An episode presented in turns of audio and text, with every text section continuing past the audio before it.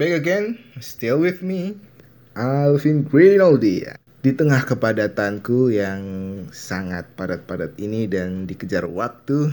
Enggak, ini beneran gue serius. Gue uh, lagi hektik banget di dunia perskripsian gue yang di mana itu tidak selesai-selesai.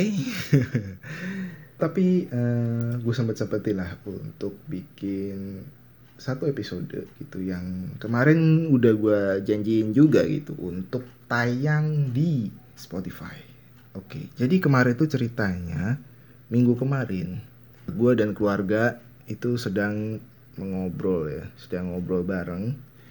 Tiba-tiba ada satu pembahasan yang ini ranahnya sebenarnya ranah ekonomi gitu, ranah buat anak-anak kuliahan yang ngambil jurusan bisnis, yang ngambil jurusan manajemen, yang ngambil jurusan ekonomi.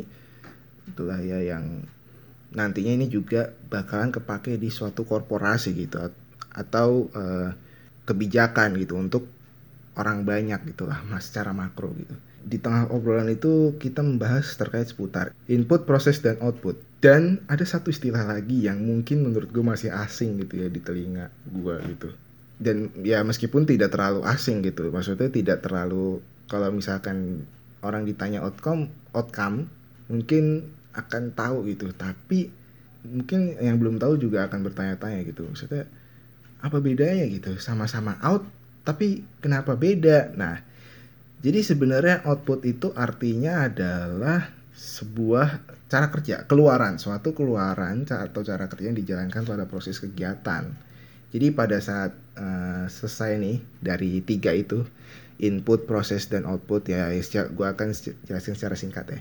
Jadi input itu uh, awalnya proses awal gitu, menyediakan bahannya, menyediakan supply, melakukan itu di depan tuh. Sedangkan proses itu adalah sebuah pengerjaannya Eh, ya sesuai dengan namanya sendiri ya proses gitu kan. Gampangnya itu uh, suatu kegiatan yang sedang dilakukan gitu yang sedang berjalan. Mengolah dari yang mentah menjadi setengah jadi gitu. Nah output itu sendiri adalah hasil jadinya hasil akhirnya gitu yang berasal daripada langkah sebelumnya yaitu proses. Nah masuklah istilah outcome itu. Outcome itu sendiri artinya adalah hasil atau manfaat yang didapatkan atau diperoleh dari cara kerja tersebut. Jadi ini si barang ini udah jadi, tapi efeknya itu belum sempat tersampaikan oleh masyarakat banyak. Kayak gitu. Belum apa ya?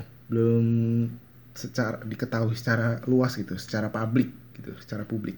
Fungsi si outcome ini adalah di dalam olahan proses input uh, di dalam maksud gue di dalam pros uh, tiga langkah itu tadi input proses dan output itu adalah outcome itu berperan sebagai penyempurna ya. Jadi suatu hasil itu nggak dirasakan uh, di dalam si pembuatnya itu sendiri gitu. Jadi hasil itu bisa dirasakan atau didistribusikan kepada orang-orang banyak gitu. Jadi outcome itu apa ya? Kalau di ekonomi itu jangka panjangnya misalkan pangan ya kan pangan ini bisa bertahan sampai berapa lama gitu. Uh, uh, bukan uh, biasanya ke perusahaan ya.